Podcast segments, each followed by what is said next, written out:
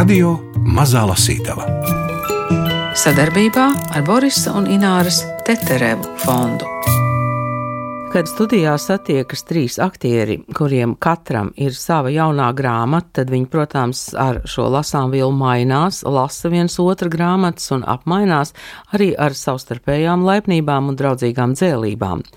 Viņa daudziņa grāmata pirmie latviešu dziedāšanas svētki bildēs tapusi filmēšanas laikā, jo vēl daudziņa filmēja zeme, kas dzied, vienmēr tik ilgi grimēja, lai viņš kļūtu līdzīgs Bernhardam Dīriķim, ka viņš dziesmu svētku ainiņas sāka zīmēt telefonu telefonā, un pēc tam pierakstīja arī īsus, bet kodolīgus bilžu parakstus. Par viļa daudziņa bildēm vairāk pēc nedēļas, bet šoreiz palasīsim Zanes daudziņas dienas grāmatu Mans kara gads, kurā arī ir pielikta viļa roka, jo te ir viņa zīmējumi. Un trešais aktieris ir mūsu uzticīgais lasītājs Gunārs Āboliņš, kura tulkojumā iznākusi gruzīnu kino režisora Danelijas grāmata pasažieris bez biļetes. Sākam ar to, ka rūpīgi apskatām Zanes grāmatas vāku. No tiem tādiem melniem, tie, o, tieši melniem stūrīšiem. Un bija šī tāds papīrs, kas bija tie mm, vākie. Mm, mm, mm. Tā tas arī domāts. Tas ir nevis nejauši tā gadījies, bet tas ir rūpīgi tā iedomāts, ka vecā tādā vecmodīgā piezīmju kladītē rakstīts. Tieši arī iecerēts. Zana Daudziņa, mans kara gads kas izklausās nopietni, droši vien, tā arī ir. Un Vils savukārt tur ir um, šo to piezīmējis, vai ne? Jā, nu es mazliet to nopietnīgi padarīju vieglāku. Jā. Ar uh, dažādiem uh, paradoxāliem zīmējumiem, novērojot zani, cinimo rakstnieci. Zana, tagad tev ir jāizstāsta, jo tev bija viena dienas grāmata, vai ne? Un tad bija ļoti nopietna grāmata par skatuves runu. Uh, Latviešu teātrī. Un tagad ir mans kara gads. Saka, lūdzu, vai tā bija zināmā mērā tāda terapija, lai izdzīvotu psiholoģiski?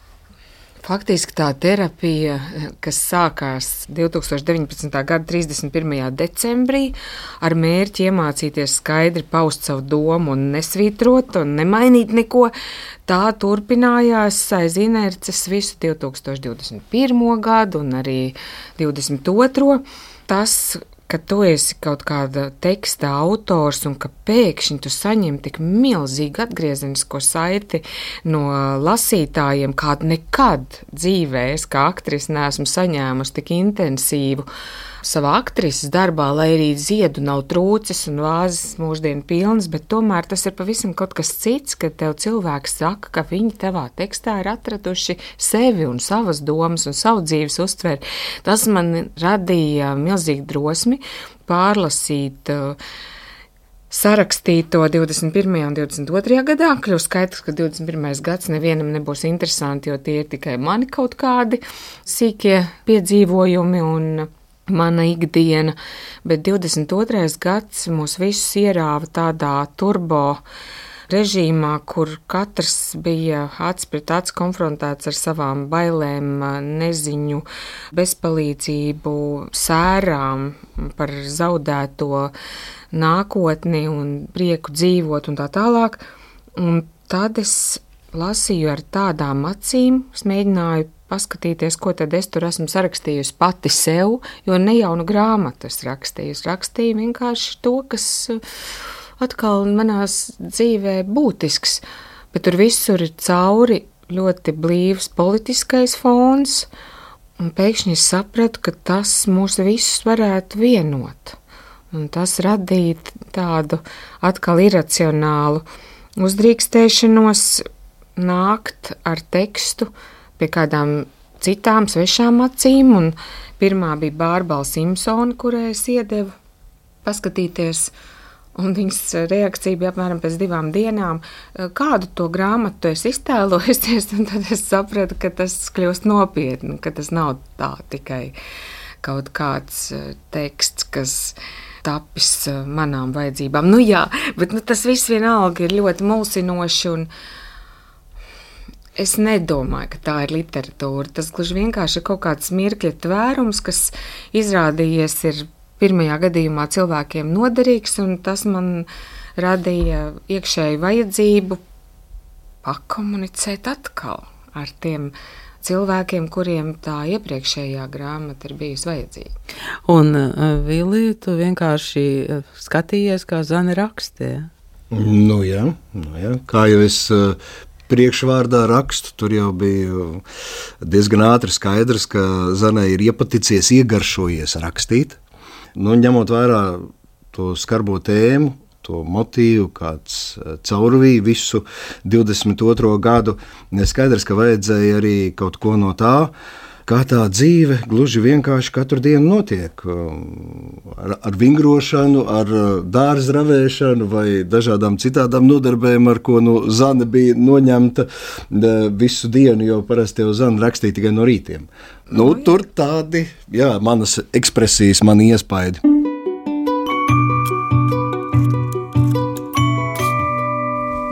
bailīgi pat domāt, jo es labi zinu, ka ļoti daudzas vietas, ja tās tiek izrautas no konteksta, tā, tad tās izklausās šaušalīgi triviāli un ļoti, ļoti. Uh, sadzīviski, bet labi, labi, es mēģināšu pārvarēt savu mulsumu.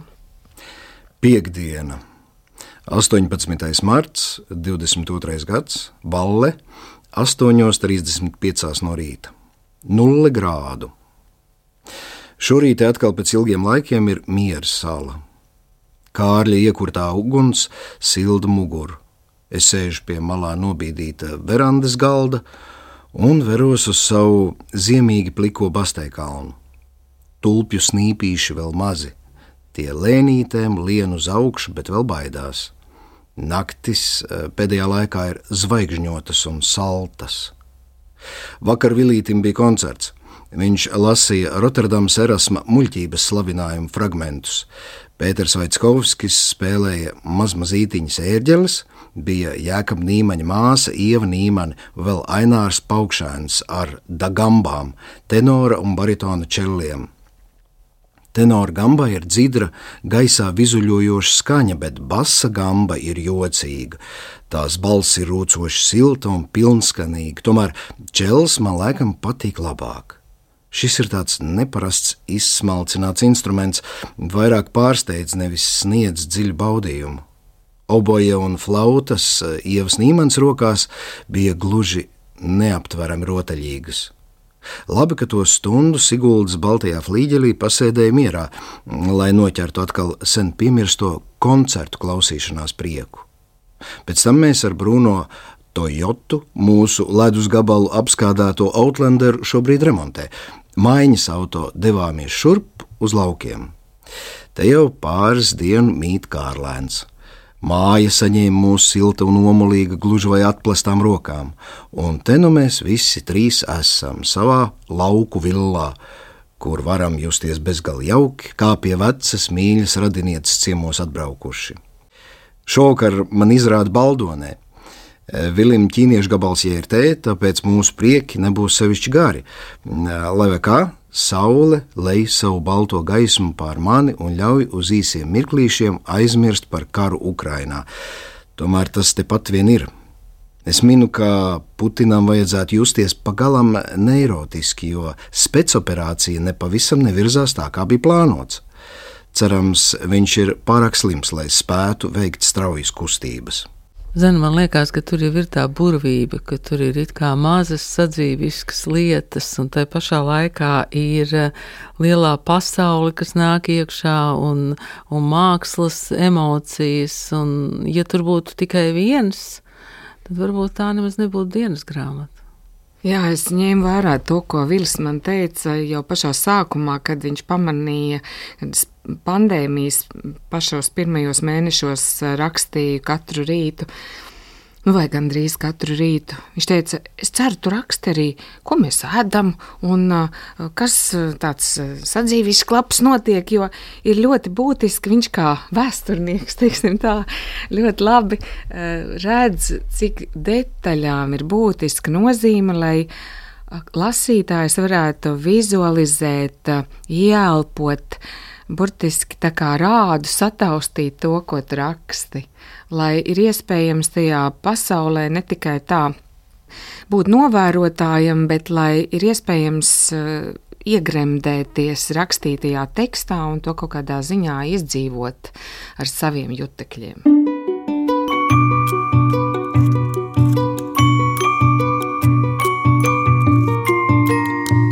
Radio Mazā Lasītava. Zanes daudziņas dienas grāmata Mans kara gads izdota apgādā zvaigzne ABC. Aktrisei un runas pedagoģijai Zanei Daudziņai pirms tam iznākusi pandēmijas laikā rakstītā dienas grāmata. Pēc tam viņa kļuva par zinātņu doktoru un grāmatas aktiera runa Latviešu teātrī 21. gadsimtā autori bet jau pēc mana kara gada izdota Zanes Daudziņas grāmata Runā droši, kas var noderēt ikvienam, kuram jārunā publiski. Zanei un Vilim daudziņiem es jautāju, kādi viņiem būs šie dziesmu svētki. Jūs uh, abi eh, svētkus piedzīvosiet kā skatītāji.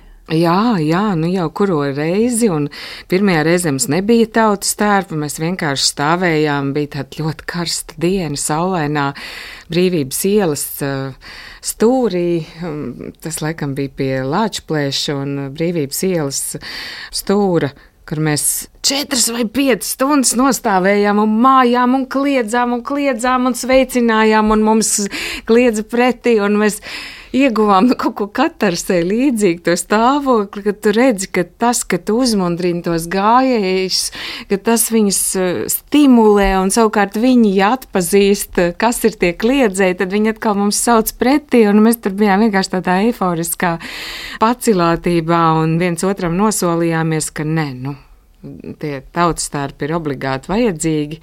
Un pieci gadi bija pietiekami ilgs laiks, lai tas varētu tapt. Vīls bija pirmais, viņš vienmēr ir liels pētnieks un bija visu jau atradis, izgudrojis, pasūtinājis. Nu, tad man bija jātur līdzi. es arī pagūvu. Jums ir viena novada tautas tērpa? Viss, nē? nē, tur katram ir sava doma. Vielim ir valles, pašizdomāts tautas starps, jo vallei savu tautas starpu nav, bet viss no tā novada, tās apkaipnes labākais. Viss tas savāds. bagātākais ir jā, savienots manā tautas starpā. Jā. Un um, man savukārt bija dziļa doma. Tā kā mana tante, kas vecētiņa māsa no tēva puses man ir bērnībā audzinājusi un, un um, bērnu dārza vietā bijusi tā kā mana aukle un, un, un mīļais tuvais cilvēks, viņa dziedāja reiterkorī savā jaunībā. Bija burvīgs otrais alts pie reitera un Viņai bija Rucavas tautas tērps, jo nezinu, kāpēc tieši Rucavas tautas tērpi mm, bija visām tām dziedātājām daž dažādi. Vienai tur mazliet ar, ar citas krāsas, tur zaļi brunči, citai zili, bet um, nu, man ir, var teikt, ka Annas Gobas tērpa kopija izveidota tādā ļoti skaistā versijā bagāts ar lielām saktām, ar trim dažādām villainēm. Oi! Vairākiem sarkaniem lakatiem, jo to bija grūti atrast. Tad beig beigās tapa pat vairāk, un vēl pat divi nāmati man ir, kurus es varu Kas mainīt. Ir tā ir tā baltā seģene, ko vija ap galvu.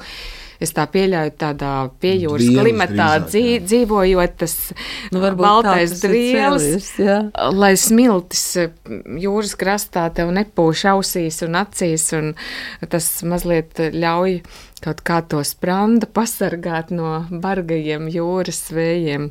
Un tas tāds lielībnieku tērps. Rītīgs lielībnieku tērps, tāpēc, ka tur uz vieniem svārkiem vēl viens dvielis, un vēl viens seģeņu un akal dvielis, un viss, kas ir pūrlādē, tiek uzvilkts virsū, un tad tiek iets tautās. Bet viss, kas ir pūrlādē, jāveidina, kā mēs zinām, Jā. vai ne? Taču nevar visu laiku glabāt.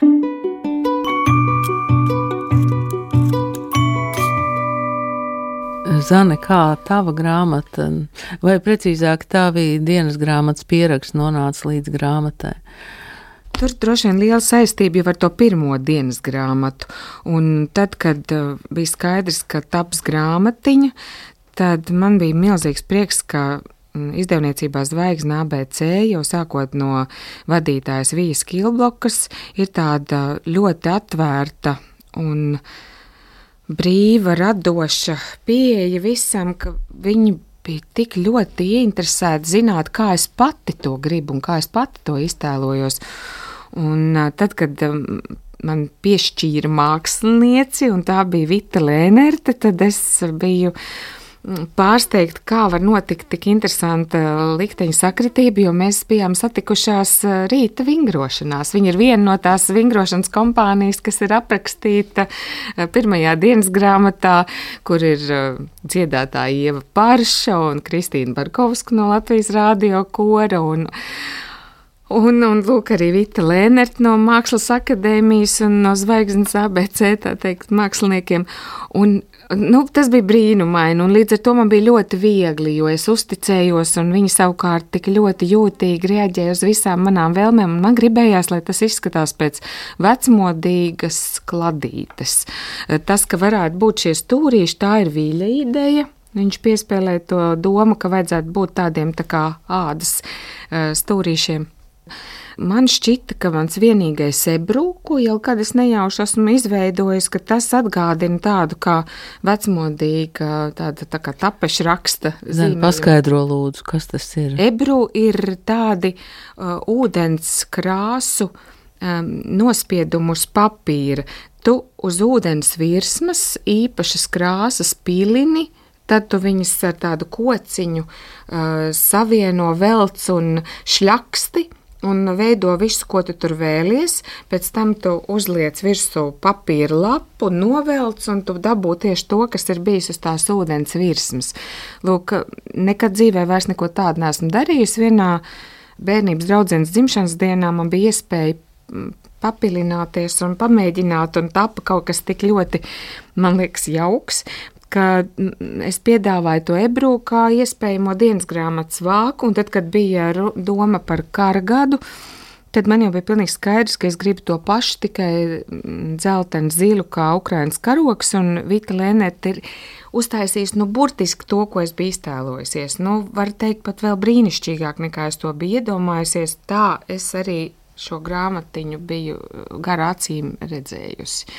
Un viņa arī bija tā, kas izvēlējās. Uh, ja dienas grāmatā ir tāda, kā pirms katra datuma, mana puķīte, tad viņa bija tā, kura no visiem viļņa zīmējumiem izvēlējās šo mazo meitēnu, kas stāv uzvarošu kalna galā. Uh, un man liekas, ka vienkārši brīnišķīgi. Un, un tie, kas ir tie zīmējumi, tie retais ir tapuši pēc tam grāmatas vajadzībām. Lielākā daļa ir tie zīmējumi, kurus Vīls bija radījis 2022. gada laikā, pats savā nodabā Nu, kaut kā vienkārši zīmēdams tā vai citu iemeslu dēļ, vai smidinādams mūsu ģimenē, iepriecinādams vai kādu apsveikdams jubilejā un sūtīdams kartīt, piemēram, lūk, 47. lapusē redzamais ģitārists, ir domāts Kaspars Zemītis. Tas ir apsveikums Kasparam Zemītim viņa dzimšanas dienā. Un, un es to piesavinājos, jo te ir runa par dagambām, tātad stīgu instrumentiem nu, nosacīti šis mūziķis ir tāds simbols eh, visai tai aprakstītajai eh, tai koncerta atmosfērai. Radio Mazā Lasītava. Gundaram Aboliņam šoreiz krita tā loze ne tikai lasīt viļa daudziņa pierakstus pie bildēm, bet mēģināt arī mazliet izstāstīt bildes. Sarunu ar Vili daudziņu klausieties pēc nedēļas. Nu, lai šķir pats, nu tur jau nav. Uz dūlo? Nu, kā tāda, jā. No, nu, tas ir tas gadījums, kad tu vienkārši uzzīmē, un tad nezini, kā aprakstīt to, ko tu esi uzzīmējis. Man liekas, ka man ļoti patīk tas, kur par to cepuri. Paga, kā, kā, lai, kā lai dzied bez cepuras? Paga. Tas ir? Jā, tas sākumā kaut kur, tas ir vēl pie gājiem. Kā lai dzied bez cepuras? Bet tur jau arī par tiem koru kariem. Man šausmīgi patīk šitas tā. Par ko? Nu, par koru kariem. Ka neko nedabūju. Pilnīgi, Pilnīgi. neko. Jā, jā. À, jā, jā, tas ir ļoti labs. Tas, nu, ļoti labs, nu, tāds, lai... Tā, tev... nu, tas ir gluži kā radio mazajā lasītavā. Jā, jā tas ir. Trautman ir ielikusi tādas mazas lipīgas atzīmes. Šoreiz zana daudziņu. Jā, bet tev, Šķil, jā. tev ir baigi noveicies, jo tā nav mazā lasītava, tā ir mazā lasīšana. Jā. Jo tad maziņa gabaliņa. Jā. Maziņā lasītava tā ir. Mazmazītiņā. Mazmazītiņā. Man arī jāapraksta, kas ir uzzīmēts. Jā. Jā. tāds apmēram tāds netīrs ūdens, tā kā sarkandaugavā kādā attakā, un pa to peld dziesmu svētku dalībnieku gardibeni. Tad pussabrukuši rūpnīcas korpusi tur pie horizonta. Šķilbēnu kriša cepure Daugavā. Jau pie Mangaļas salas. Ei, redz, kā es uzminēju. Jau pie Mangaļas salas. Svētku gājienu laikā krišam vējš norāva cepuri un iepūta upē. Pēc vairākiem nesekmīgiem mēģinājumiem izķeksēt to no ūdens, kriša apvainojās un aizgāja mājās uz īrlavu. Kāda jēga dziedāt, ja nav cepures? Aizgāja mājās, tas ir labi uz īrlavu. Tā, te, tā, tā kā kāds makšķernieks Daugavā, kur ir tas mūrētais krasts, kaut kāds zils šķidrums pudelē, nu, izskatās drusku pēc manis. Nu, matu gan ir mazāk, bet nu, brilles un ūsas, nu, tāds tas varētu būt, un makšķerē un divas kārnas kājas. Straupis kora diriģents Dionīsijas Garklāvs bija kaislīgs makšķernieks. Katru rītu pirms mēģinājuma viņš bija redzams ar zilu spainīti, sēžam dzimtās Braslas krastā. Doma, ka dziedāšanas svētku dēļ veselas desmit dienas viņš nevarēs ķert savas mīļotās foreles, darīja viņu grūtsirdīgu. Vienīgi Daugavas tumšie noslēpumainie ūdeņi varēja kaut nedaudz kliedēt Garklāva kunga melanholiju. Portretēts Daugavas krastmalā pie tirgus piestātnes ap pulksteni 6.004 stundas pirms rīta mēģinājuma. Spainī viens zandarts. Nu, bet es atkal to vietu uzminēju. Nu, redzi? Tas ir tur, kur kanāls iet Jā, Daugavā. jā, jā, jā, jā. Jā. nu, tā tad ir Bet cik precīzi, trāpīgi ja? mākslinieks ir. Mākslinieks ir bijis Tā, tagad ir viens tā kā tāds ķe- ķencis vai, vai, vai pie pieminekļa, no kura redzams tikai kājas, pats postaments un kājas. Kas tas varētu būt par pieminiektu? Nu, mēs to izlasīsim. Viena no mīklainākajām dziedāšanas svētku bildēm ir zināms, ka persona pie pieminiekļa ir bunduļu miķelis, no Nītauras. Savukārt par pašu pieminekli, kas redzams aiz miķeļa, informācijas nav. Daži vēsturnieki uzskata, ka tas varētu būt imperatora Aleksandra I pieminekļa mets. Citas lietas domāt, ka tā vienkārši ir falsifikācija. Miķelis nekad nav bijis Rīgā. No korī dziedāšanas beidzas kā no uguns. Pat kur tu teci gailīti, meldiņa nav varējis noturēt. Un galvenais, tas nemaz nav viņš. Es zinu vēl vienu, Zani, izlasi vēl. šito te. Un arī šī burvīgā epizode būs jau pēc nedēļas. Par to burvīgo, ta- tas cik tautietis, kurš, kur viņš tev ir, kurš, kuram tā līze uzkāpj uz kājas. Par, par, par flautistu. Vajadzīgi. Nu, šis nu man nemaz nav līdzīgs. Bet sapņaini pievērstas acis, viņš spēlē kaut ko, no, kaut ko ļoti romantisku un gaišu. Skaistulis, franču flautists Žants Augusts de Bricot no Pēterburgas imperatora orķestra. Daudzas koristes uz viņu meta kvēlus skatienus. Bulavnieku ēda no Mālpils kora pat mēģināja uzsākt ar viņu sarunu, uzminu uz kājas un teica: Očiņi zviņķi! Taču viss velti. Žants Augusts tikai skumji pasmaidīja un nesacīja ne vārda. Šeit mākslinieks redzams spēlējam Geblera teicis mana dvēseli. Jāņa Bētiņa vadībā. Garīgo dziesmu koncerts Doma baznīcā.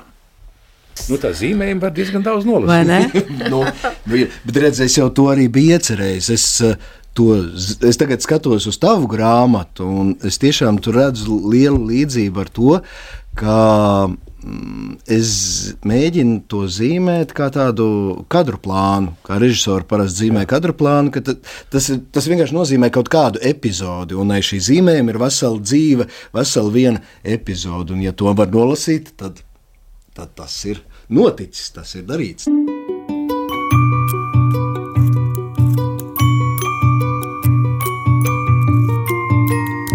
Radio Mazā Lasītava. Sadarbībā ar Borisa un Ināras Teterevu fondu.